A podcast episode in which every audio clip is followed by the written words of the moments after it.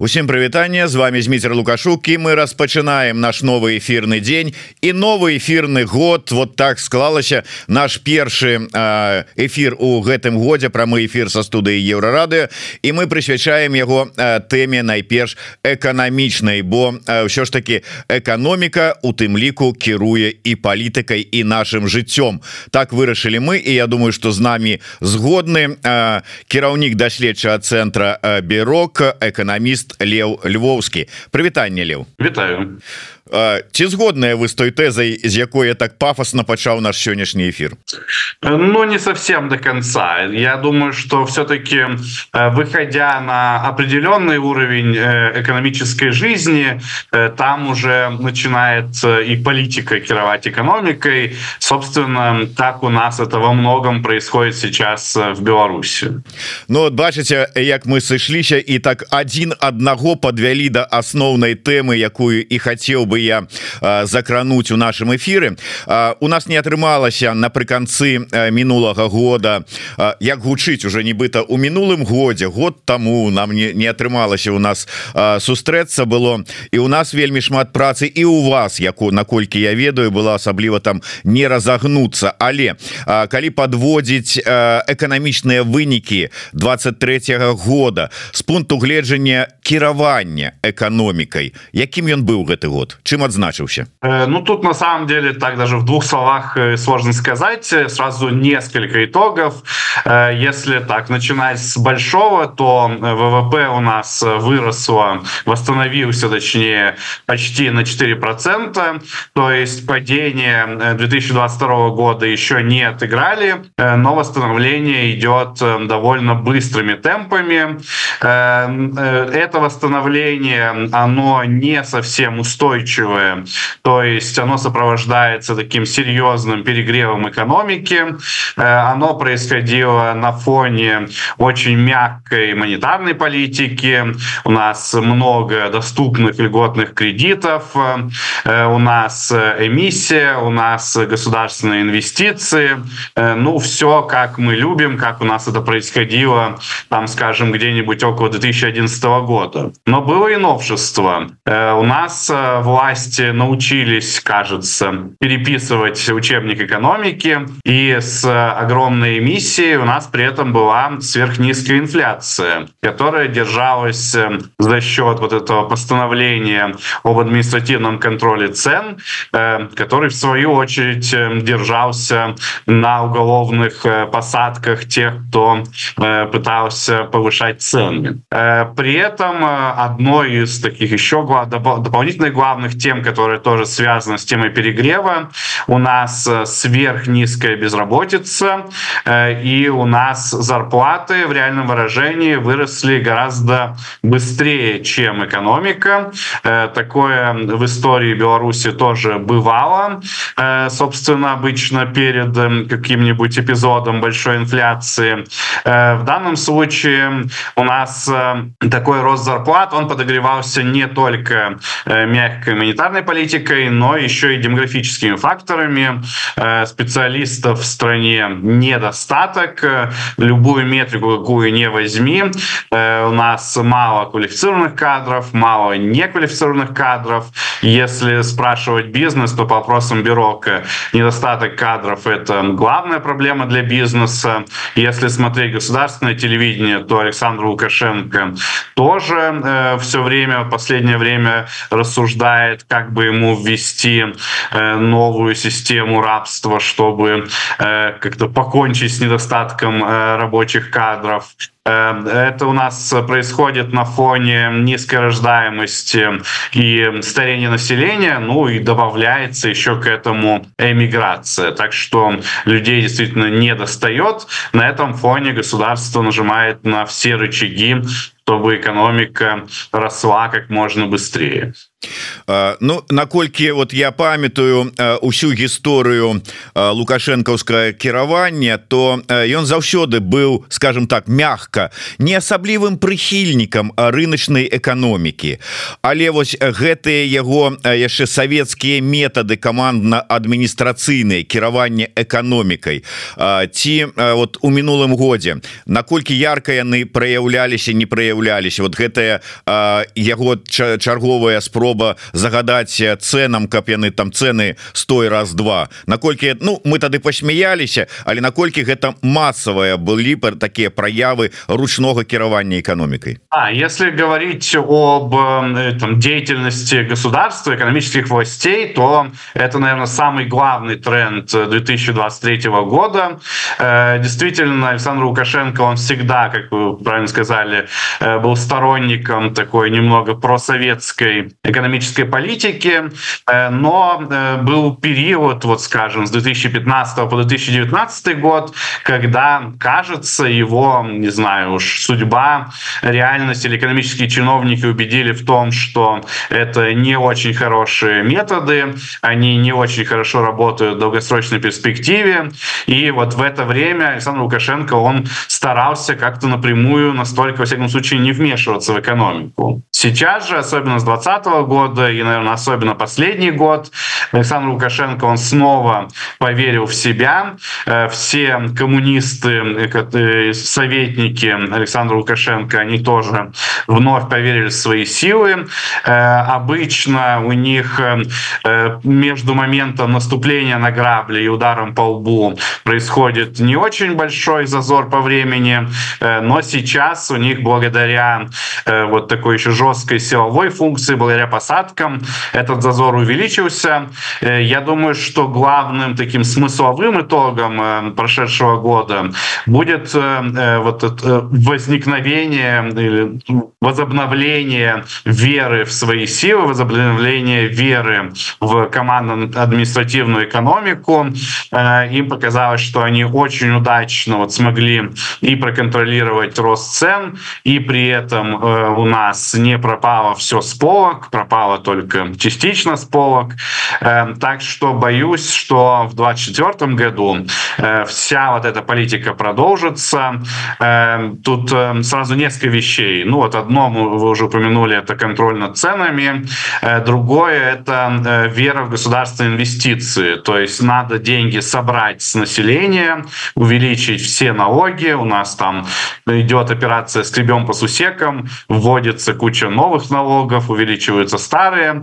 Все это делается, чтобы собрать, аккумулировать деньги в государственных руках и дальше уже инвестировать, но э, не как там какой-то глупый рынок решит, а по-умному, по-государственному строить те заводы, которые надо, которые Александр Лукашенко лучше знает. Э, вот, э, это все, я думаю, будет у нас в новом году разрастаться. Э, но проблема в том, что инфляцию и рыночные законы придумали не какие-то экономисты, либералы, противники Александра Лукашенко. Это объективные законы, и они никуда не денутся. Если продолжать в таком духе, то в среднесрочной перспективе мы упремся в тот же самый, вот примерно 2011-2013 годы, Э, когда в конце концов куда-то это все выстрелит, э, невозможно расти э, такими искусственными методами в ситуации, в которой находится Беларусь. Ну сапраўды але гэты вось умоўны 2011 год ён калі наступіць? Ужо у гэтым 24 годзе ці ўсё ж таки гэта адцягнутая перспектыва? Тому что до 2011 года мы таксама ішлі мне как мне под памятаецца даволі працяглы перыяд. Не цягам там полгода года гэта вот здарылася ўсё. Ну простой ответ и честный мы не знаем. Ну выдатна. Галоўная сумма сумленна але А ўсё ж таки як на гэтую всю сітуацыю уплывае вайна а больш дакладней военные заказы якімі зараз заваленыя беларускія прадпрыемствы? Конкретно выделить военные заказы в структуре экономики Беларуси очень сложно. Дело в том что значимая часть того что мы производим для российской армии оно идет не по каким-то военным категориям даже. Значимая часть это сухпайки, которые идут просто по категории э, товары питания. Это форма, э, которую в России куда-то внезапно украли прямо перед войной, поэтому пришлось размещать огромные заказы э, на белорусских предприятиях. Это э, всяческие какие-то э, дополнительные товары, вот даже вот эти бетонные зубы, как они там назывались, зубы Суровикина или что-то такое, это все не военное производство само по себе. Э, та часть, которая является именно военным производством, она, конечно же, закрыта и засекречена. Э, мы можем так предполагать примерно, э, какая часть идет именно для российской армии, но только, конечно, очень не напрямую. Лев, Лев, я выбачаюся, я просто агульно, так сказал, военные заказы, але мелася на увазе ўсё, что раптоўна спатрэбілася России с пачаткам войны. И это, як ты слушно слушна заўважыў пачынаючы ад там тушонак і сухпайкоў і там парцянак і заканчиваючы нейкімі таварамі подвойнага прызначення але ўсё гэта гэта как бы ну дало магчымасць зарабляць добрыя грошы некаторыя прадпрыемствы нават там кажуць не то что другую а нават третью смену увяло некоторые да действительно то есть э, тут э, можно это на это смотреть как на общий пакет наших взаимоотношений с Россией весь пакет увеличился очень сильно. Я думаю, что никогда еще э, в истории Беларуси, в экономической истории э, не было такой зависимости, ну, разве что вот во время, собственно, Советского Союза. У нас сейчас э, и торговля обычными товарами идет в основном с Россией, 70% внешторгового оборота идет именно с Россией. У нас сейчас и мы снабжаем российскую армию и российских обычных потребителей. Э, то, что у нас раньше шло в Европу, теперь пытаются как-то переделать, переквалифицировать эм, и тоже свать в Россию. Плюс к этому у нас теперь единственный способ связаться третьими странами — это через российские логистические сети. У нас нет границы ни с Китаем, ни с Бразилией, ни с Индией. То есть все, что мы торгуем с третьими странами, это тоже через Россию. Э, плюс к этому все, что касается государственных финансов, это э, внешний долг, новые кредиты. Это, опять же, все только Россия. То есть э, в данном случае мы тут завязаны прямо по всем фронтам. Адпаведна у мяне тут два пытания галоўныя такія ўзніклі вот з, з того что я пачуў. Першае я трошку вярнуся. Ты вось кажаш что такое ручное кіраванне прывядзе у перспектыве да паўтарэння 2011 года. Ну э, сам ведаешь як тут у нас усё это працуе. Уже новое покаленне выросло с того часу с 11 -го года. Вон прайшло э, 12 гадоў 13 пайшоў. Уже скажуць такие А что там такого было? Ну вот давай опишем э, якія конкретно пагрозы по на на э, прыкладе 11 -го года нас чакаюць калі э, не изменится вот такое менавіта падыход до кіравання экономикой ну, давайте да тут немножечко отвлечемся на теорию э, если так совсем совсем говорить по учебнику, то бывает э, два генеральных типа инфляционных импульсов. Один краткосрочный, ну, например, какая-то паника. Сейчас э, мы его не будем обсуждать. У нас явно не такой кейс. У нас уже э, с начала войны прошло много времени, с начала санкций. И второй долгосрочный. Что такое инфляция? Это, собственно, повышаются цены всего, в том числе повышаются цены товаров и капитала, которые производители используют для производства уже финальных товаров. Э, ну, скажем, там, не знаю, увеличивается цена зерна, чтобы кормить курицу, чтобы та давала яйца, которые уже кладутся в потребительскую корзину. Если предприятиям запретить повышать цены, то издержки у них расти не перестанут. Вот все эти промежуточные товары, которые они покупают, часть иностранных промежуточных товаров, которые они покупают для собственного производства. Э, что это значит? Ну, сначала, если им запретить повышать цены, они будут просто уменьшать свою маржу, э, потом они будут съедать уже всю свою прибыль, э, потом они будут эм, из каких-то запасов, может быть, там наберут кредитов на обеспечение своей деятельности, и в конечном итоге или в какой-то момент разрешат повысить цены, и тогда у нас будет большой скачок собственно, та самая гиперинфляция, или им не разрешат повысить цены, и тогда у нас будет падение предложения, падение производства. Эти компании просто-напросто разорятся. Э, те, что останутся, они уже придут в правительство и скажут, давайте уже наш гиперскачок. Эм, собственно, если держать цены э, так вот, можно держать действительно цены под контролем в долгосрочной перспективе. Э, ну, такой пример это у нас, наверное, Советский Союз. Вот в Советском Союзе действительно долго сдерживали э, все цены. В итоге мы видели пустые полки. Если цены сдерживать не так долго, не доводить до банкротства предприятий, то мы увидим вот тот самый 2011 год, когда начинаются резкие рывки цен, когда ослабляют механизмы контроля, э, в таком случае предприниматели, они начинают повышать цены не просто, чтобы компенсировать свои издержки, а еще выше, э, в частности, опасаясь, что им потом запретят. То есть, если вы знаете, что вы не всегда можете увеличить цену, э, то надо ее заранее повысить в 2-3 раза, в 4 раза, чтобы компенсировать какие-то будущие потери вдобавок к прошлым. Э, вот раскручивается инфляционная спираль, и все начинают, э, ну там, какие, какие минусы от этого, э, плюсы от этого, наверное, тем, кто взяли квартиру в ипотеку, эти люди, они остаются довольными, у них квартира получается очень дешевой, а вот для многих остальных возникает много минусов. Ну, во-первых, часть времени все общество начинает посвящать вопросу увеличения цен. Там часть заводов не работает, потому что все бегают бегают по обменникам, э, предприятия тоже не знают, отгружать им груз или нет по этой цене, потому что она, возможно, э, завтра повысится еще на 20%. Эм, обычно выигрывают в такой момент предприятия, которые э, как-то работают на зарубежные рынки, но у нас проблема, что у нас сейчас очень не диверсифицирована внешняя торговля, у нас сейчас реально почти единственный внешний рынок — это та самая Россия. Вот. И, собственно, из-за вот э, бурления и всех этих издержек, э, то еще э, больше сокращается предложение. От этого начинает еще больше иногда увеличиваться инфляция.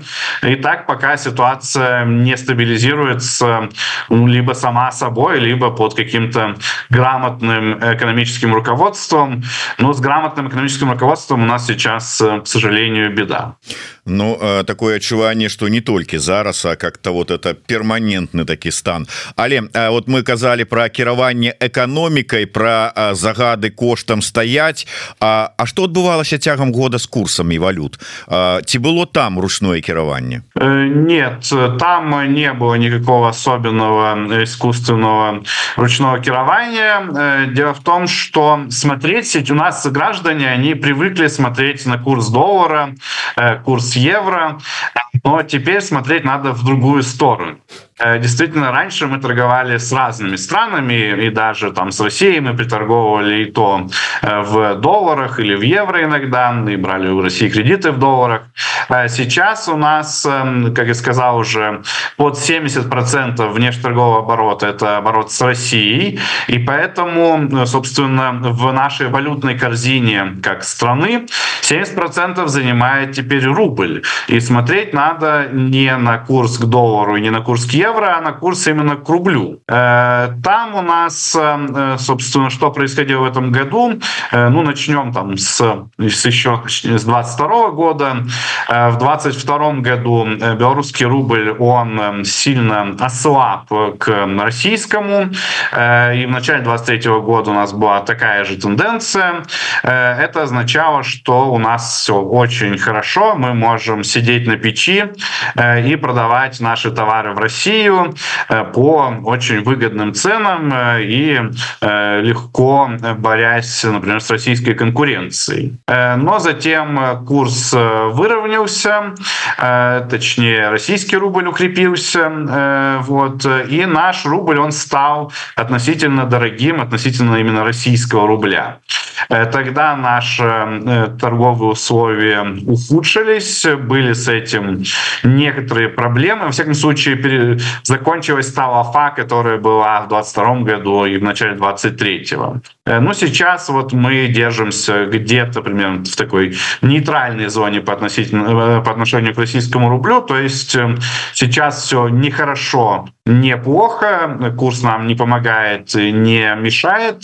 Но, опять же, главное, куда надо смотреть, это куда пойдет российский рубль, и туда же должен идти белорусский, без относительно того, что там происходит с долларом и евро. Ну, а можно спрогнозовать, куды российский рубель пойдзе? Ну и калі браць вот гэтую навіну про тое, что больш за ўсё змяняўся, ну, дакладней, курс доллара вырос, калі браць краіны постсавецкія, это Беларусь на другім месцы на першым России, то чаго чакаць? Э, спрогнозировать сложно. Э, тут, скажем э, так, есть, опять же, там два источника формирования валюты. Это, собственно, текущий торговый баланс и рынок общий, когда там есть какие-то спекулянты, рынок капитала и так далее. Рынок капитала в России практически убит, поэтому можно смотреть на российский торговый баланс. Он во многом зависит от нефти, от того, по какой нефти Россия Россия может отгружать какие объемы. Э, здесь что-то прогнозировать сложно, мы можем рассматривать э, разные сценарии. Но один сценарий заключается в том, что э, война на Ближнем Востоке вместе с какими-то группами, которые спонсируют Иран, осложняют добычу нефти, нефти и перевозку нефти с Ближнего Востока. Так, если это продолжится, если ситуация там вокруг Египта не стабилизируется, то цена на нефть, вероятно, вырастет, э, Россия будет в плюсе, э, и российский рубль тогда скорее укрепится против доллара и евро. Э, и другой сценарий можно смотреть, это сценарий, в котором вот все на Ближнем Востоке как-то более-менее стабилизируется, страны Европы продолжат потихоньку уходить от нефтезависимости, будут придуманы какие-то действенные санкции в отношении России. Это нетривиальный вопрос, но, но это не значит, что это невозможная вещь. Э, вещь это вполне возможно. Вот. Э, в таком случае, если Россия лишится каких-то дополнительных э, нефтедоходов, то можно предполагать, что российский рубль пойдет к евро и к доллару, ну, вслед за ним тогда будет падать и белорусский рубль. То есть мы можем сказать мейнстримное движение российского рубля. Мейнстримное движение — это небольшое ослабление. Но вот эти шоки, которые могут происходить на нефтяном рынке мировом, они э, делают мейнстримное предсказание практически бесполезным апроч вось гэтай мынс прадказанняў і залежнасці курса беларускага рубля ад курса расійскага рубля якія яшчэ небяспекі ёсць у гэтай нашай такой тотальной залежнасці ад России Ой, небеспек тут к сожалению очень много но начиная с каких-то политических э, э, тут я не политолог но Э, собственно, читаю политологов и начинаю хвататься за голову, э, начиная с сценариев э, того, где Россия как-то мягко или не мягко захватывает Беларусь, Э, может быть, в, в рамках компенсации за проигрыш в Украине или наоборот, э, там в рамках э, эйфории,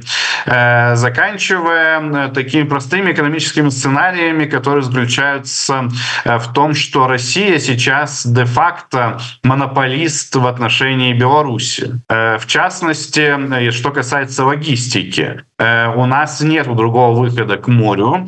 У нас границы с Евросоюзом, они постоянно там то закрывается, то открывается, на них все сложно. Э, ну, с Украиной вся граница уже заминирована. Э, собственно, единственный выход это через Россию. Это значит, что Россия может э, даже в рамках абсолютно рыночной экономики изымать у нас вплоть до всей маржи нашей торговли. Вот мы что-то везем, хотим продать с прибылью 100 рублей, ну, Россия может у нас 99 рублей забрать, потому что у нас других выходов нет. Вот, то есть мы находимся в очень такой уязвимой ситуации. То же самое касается нашего внешнего долга. Сейчас Россия нам согласилась дать отсрочку. Это очень хорошо, очень нам помогает. Но если вдруг что-то там поссорится Александр Лукашенко с Владимиром Путиным, Владимир Путин скажет, давай нам 6 миллиардов, то тут и наступает нашей сказочке конец. Эм, то же самое касается там все, что все, что касается закрытия российского рынка. Мы знаем, что Россия иногда любит там найти какую-нибудь э, палочку коха в огурцах там или яйцах или курице еще что-нибудь найти, сказать, что вот небезопасные товары, давайте их не будем ввозить. Э, ну, если мы не сможем ввозить наши продукты питания в Россию, то нам их дальше как бы только закапывать под землю.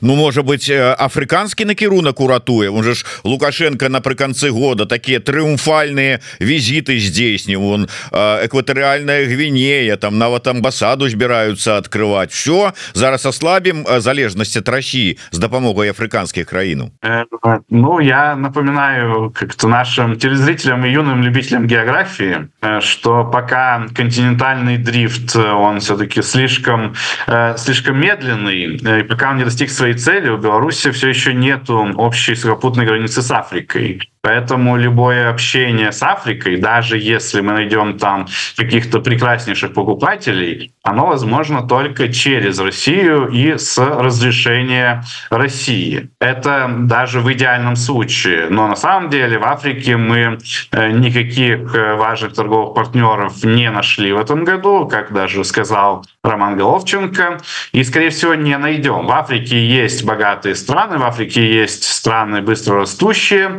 но эти страны не хотят с нами общаться. Они хотят общаться с Америкой, с Китаем, с Европой. Те страны, которые хотят с нами общаться, типа Зимбабве, Экваториальной Гвинеи, это страны, которые сами по себе изгои. Они бы, может быть, были рады купить у нас сколько-то тракторов, но у них э, нет денег. Э, они довольно, довольно бедные сами по себе. Э, и поэтому там речь идет, там, может быть, о сотнях миллионов долларов, но это, конечно, никакая не замена ни России, ни Украине, э, ни тем более Европейскому Союзу. Поэтому я читаю это все-таки в рамках таких юмористических новостей, особенно что касается наших отношений с Зимбабве. Мне кажется, может, телезрители наши пропускают. У нас столько, столько совместных планов Зимбабве, у нас совместная космическая программа, э, у нас э, там дружба женщин Зимбабве с женщинами Беларуси, э, вот, с, с экваториальной Гвинеей мы Тут я уже не помню, что делаем, а с Никарагуа мы собрались э, копать никарагуанский канал. Ну, ну вот бачите, якія грандыёзныя планы прынамсі. Э, нам пропаганда і э, Лукашенко малююць. Э, Лев мы вот э, уже спрагназавалі і э, там поговорили далей далі про тое что чакае эканоміку курсы все астатніе А вот по банках что-небудзь по укладах э, что вот чакаць ці якія небяспекі ці наадварот что рабіць можа свае грошы несці ў банк беларускі і таким чынам уратаваць а можа яшчэ зарабіць і валюту і рублі э, Ну что-то заработать вы там явно не сможете э, вы можете принести деньги в белорусских рублях но э, скорее в текущих условиях это не инвестиционный совет но скорее будет выгодно взять кредит чем положить деньги на счет потому что если мы ожидаем Э, что в каком-то скором будущем, в ближайшие несколько лет у нас может возобновиться большая инфляция, то скорее выиграют заемщики, э, чем вкладчики. Э, вот. Что касается, если у вас, например, есть сбережения в валюте, и вы хотите их принести в белорусский банк, то белорусский банк, скорее всего, будет не очень-то рад вас видеть, Мы это видели вот все прошедшие пару лет из-за того, что наши банки стали во многом отрезаны от международной банковской системы, из-за того, что санкции постоянно вводятся какие-то новые, доллары, евро на счету, они скорее могут быть обременением для белорусского коммерческого банка. Ну, вроде тут взяли у населения деньги, э, но вложить их непонятно куда. Вы вложите куда-то в Европе, а потом э, вас тоже подведут под санкции, и вы не сможете их обратно вывести, не сможете рассчитаться с населением и так далее. Вот, поэтому иностранной валюте наши банки теперь не очень рады. Эм, вот, на самом деле, э, сбереж... теперь способов сбережения для белорусов осталось не так много. Э, мы еще одно событие такое интересное, которое мы наблюдали в этом году, это рекордный спрос на недвижимость. Э, в Минске и по стране в целом э, люди покупают то, что называется инвестиционная недвижимость. И одно из объяснений, и у нас рекордные цены даже на недвижимость, одно из объяснений состоит в том, что людям некуда вкладывать свои деньги. Если раньше при наличии какой-то серьезной суммы, там 50 тысяч долларов, 100 тысяч долларов, вы могли, например, положить их в иностранный банк, в другой юрисдикции, или вложить в акции, в облигации, международные инвестиции сделать какие-то, э, то сейчас э, практически действительно единственный способ э, как-то сохранить деньги — это вложить их вот в бетон, купить какую-то квартиру в надежде на то, что это реальный объект, и он не обесценится в ближайшее время. На самом деле инвестиции в недвижимость, они тоже могут быть рисковыми, как мы знаем по кризису 2008 года. Но вот тем не менее мы наблюдаем такой феномен, который происходит из-за того, что других-то опций у белорусов не так и много. Ну да а, а потым а, раптам вы высветліцца что ты там а, колькі гадоў тому 10 там поставіў лайк ці нейкае слово напісаў цябе ўносяць у спіс экстрэмістаў тэрарыстаў і канфіскуюць твои усе здабыткі і набытки вот э, Мачыма такое як дарэчы уплывае на обычные экономические риски которые связаны с тем что просто-напросто ну хорошо вот сейчас все свои сбережения люди вложат в недвижимость а потом э, не будет никакого экономического роста продолжится стагнация э, продолжится уменьшение населения и просто эта недвижимость не будет на нее спроса реального и она понизится в цене как такое тоже в Беларуси бывало заробки закранули гэтае пытанне заробки выраслі. Ну здаецца ж добра людям ці гэта таксама нейкая такая с пункту гледжання такой эканомікі аналітыкі не вельмі добрая рэч? Людям это безусловно добро это безусловно хорошо людям стало жить получше. Вот но просто это симптом того что что-то плохо в самой экономике. Эм, опять же, э, прямо сейчас это не важно для людей. Прямо сейчас действительно люди получают большие зарплаты. Э, но, к сожалению, это симптом того, что у нас э, с большими быстрыми темпами стареет общество. У нас сейчас на пенсию выходит относительно многочисленное поколение, а в трудоспособный возраст входит относительно малочисленное поколение. Ну, кому сейчас вот 20 лет, тем, кто родились в худшие там для Беларуси с точки зрения экономики годы, вот в 90-е, в середине 90-х годов. Э, там у нас и так была демографическая яма, и еще и 90-е э, наложились, поэтому родилось совсем мало людей. Э, вот в итоге у нас предложение труда, оно падает там на 70-90 тысяч человек в год. Это довольно много, учитывая, что у нас, собственно, всего вот пул работоспособных людей, это не все население, конечно же, а там что-то порядка 4 миллионов, так что это большой процент. Плюс плюс эмиграция э, к этому добавляется. Эмиграция, скорее всего, мы считаем, что должна э, ослабеть в ближайшие годы. Ну, все, кто хотели, уже уехали. Если Александр Лукашенко ничего нового не придумает, то люди перестанут уезжать. Но даже без эмиграции вот у нас происходит уменьшение рабочей силы. Это значит, что как и с любым товаром, когда у нас какого-то товара меньше, он стоит дороже. Собственно, поэтому человеческий труд в Беларуси теперь стоит дороже. Вот это хорошо с точки зрения людей, плохо с точки зрения перспектив, то есть увеличивать экономику с падающим населением сложно, э, нужно, э, нужно внедрять технологии, э, которые сберегают труд. Такие технологии, безусловно, есть, они разрабатываются. Нельзя сказать, что страны, где, где уменьшается население, умирают, но у нас сейчас затрудненный доступ к технологиям. Плюс к этому у нас есть несколько таких специфичных для, для Беларуси проблем. Одна из них — это солидарная пенсионная система, то есть у нас нас э, трудоспособные люди, они должны обеспечивать текущих пенсионеров. Если меняется пропорция пенсионеров к трудоспособным людям, то надо как-то либо хуже жить пенсионерам, либо больше денег брать с трудоспособных людей. У нас сейчас примерно 4 десятых пенсионера на одного человека трудоспособного возраста.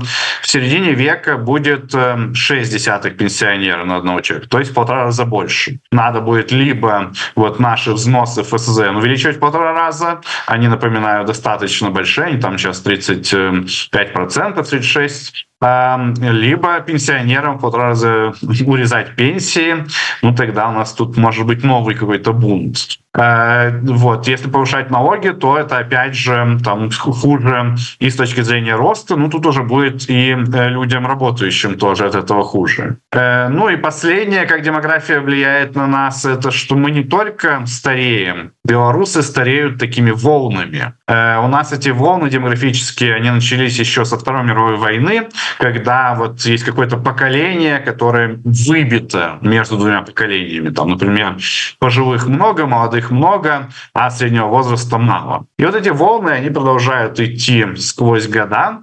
А, что это значит? Это значит, что э, каких-то ресурсов, которые нужны для конкретных возрастов, э, их нужно все время меняющееся количество. Типа детские сады. Нам сейчас их надо очень мало, потому что нет детей, а через 10 лет придет волна побольше, и надо будет их снова много. Э, а потом через 20 лет снова надо будет мало, а через 30 лет много. И так непонятно, что нам делать с детскими садами. Держать э, пустыми э, в какое-то время или в какое-то время у нас будет постоянный недостаток. То же самое касается больниц, домов престарелых, э, всей инфраструктуры, которая вот связана с, с возрастом. Ну нічога будуць э, дзіцячыя сады э, якія часова непатрэбныя аддаваць под э, новыя там якія-нибудь э, казармы міліцейскія там ці спецназаўскія якіх усё больш і больш становіцца А якія дарэчы не халеры у ФСЗН наколькі я ведаю не выплачваюць і прыбытку не прыносіць толькі страчваем. Сухай Ну ўсё ж таки я ведаю что ты уважліва слухаў навагоднюю прамову лукашэнкі. Ну ён же ж там вот намаляваў прыгожыя перспектывы того что нас у наступным годзе с эканамічнага пункту гледжання чакае. Я не знаю к сожалению к своему счастью пропустил в этом году не знаю как уж так вышла речь Александра Лукашенко. Я вот смотрел речь Светланы Тихонурской Владимира Зеленского э, даже Зенона Пасняка посмотрел а вот Лукашенко пропустил. Э, но в целом я знаю какие планы у правительства на Новый год. Э, по планам там ожидается снова рост в 3,8%.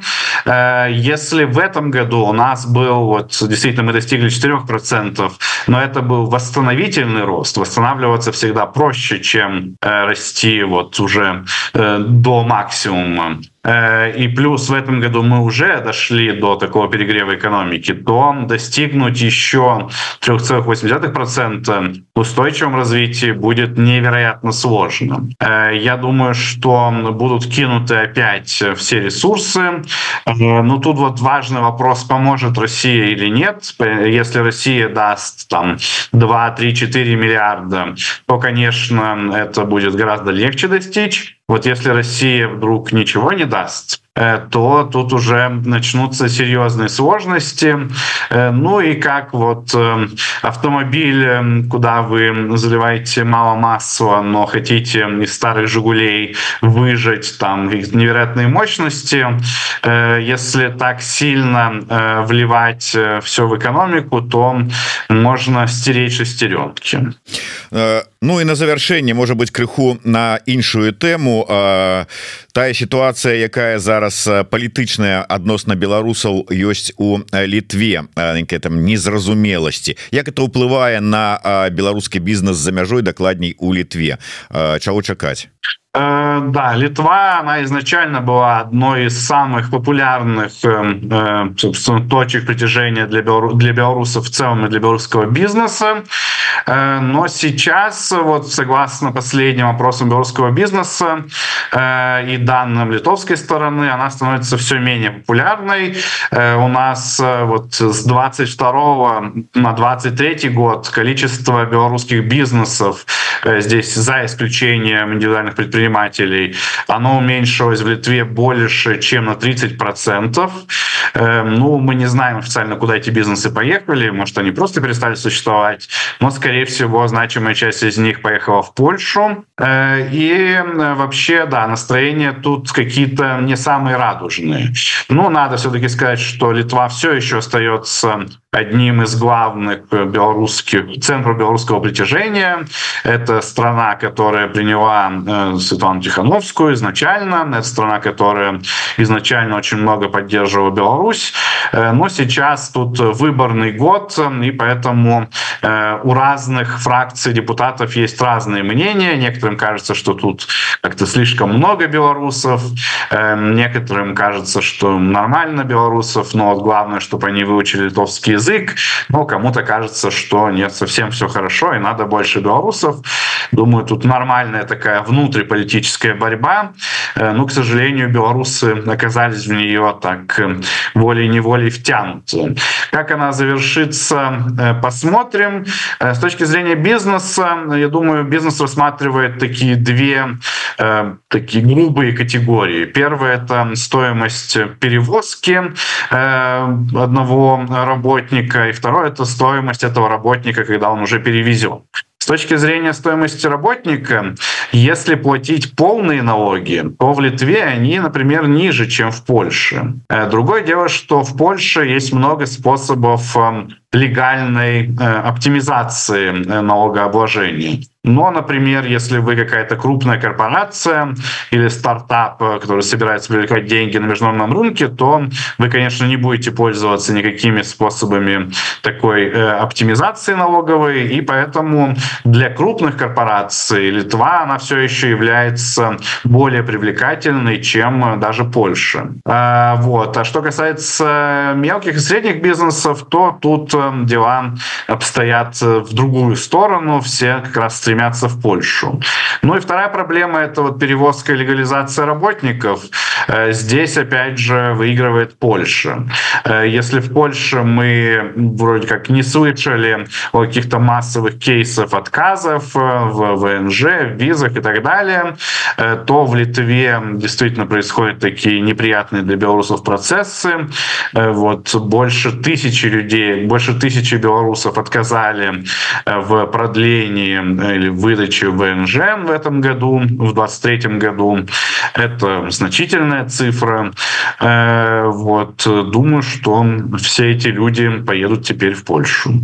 Э, Дякую вялікі Леў і на завяршэнне ўсё ж таки твае можа быть некалькі парадаў беларусаў тым хто у Беларусі застаецца і тым хто за мяжой знаходіцца Вот што б ты хацеў пара парадь парадзіць ім у наступным годзе на што звяртаць увагу там что рабіць там не рабіць ну як экономист э, Ну как обычно жизнь у нас одна поэтому надо сначала надеть э, кислородную маску на себя, а потом на ребенка, как говорят авиакомпании.